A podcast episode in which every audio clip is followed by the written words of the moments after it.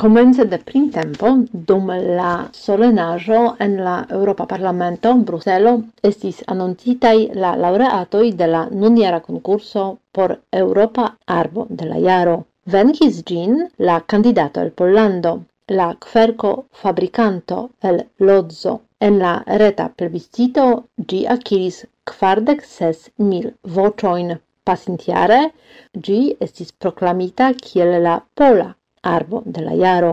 La cent ogdec jara kverko apartenas al la plej originalaj en Pollando kaj rolas kiel vizitbileto de Lodzo en la centra Pollando. Unu el ĝiaj branĉoj havas S-formon kaj longas pli ol dudek metrojn. Ciu iare en printempo gi logas visitantoin, ciui admiras gian majestan silueton, ce kies piedoi etendiras flor bluo de cion odoxoi cae stiloi la duan locon en la concurso por la Europa Arbo de la Jaro akiris Draca Arbo el Slovakio kaj la trian kolonio de pomujoj el Ukrainujo.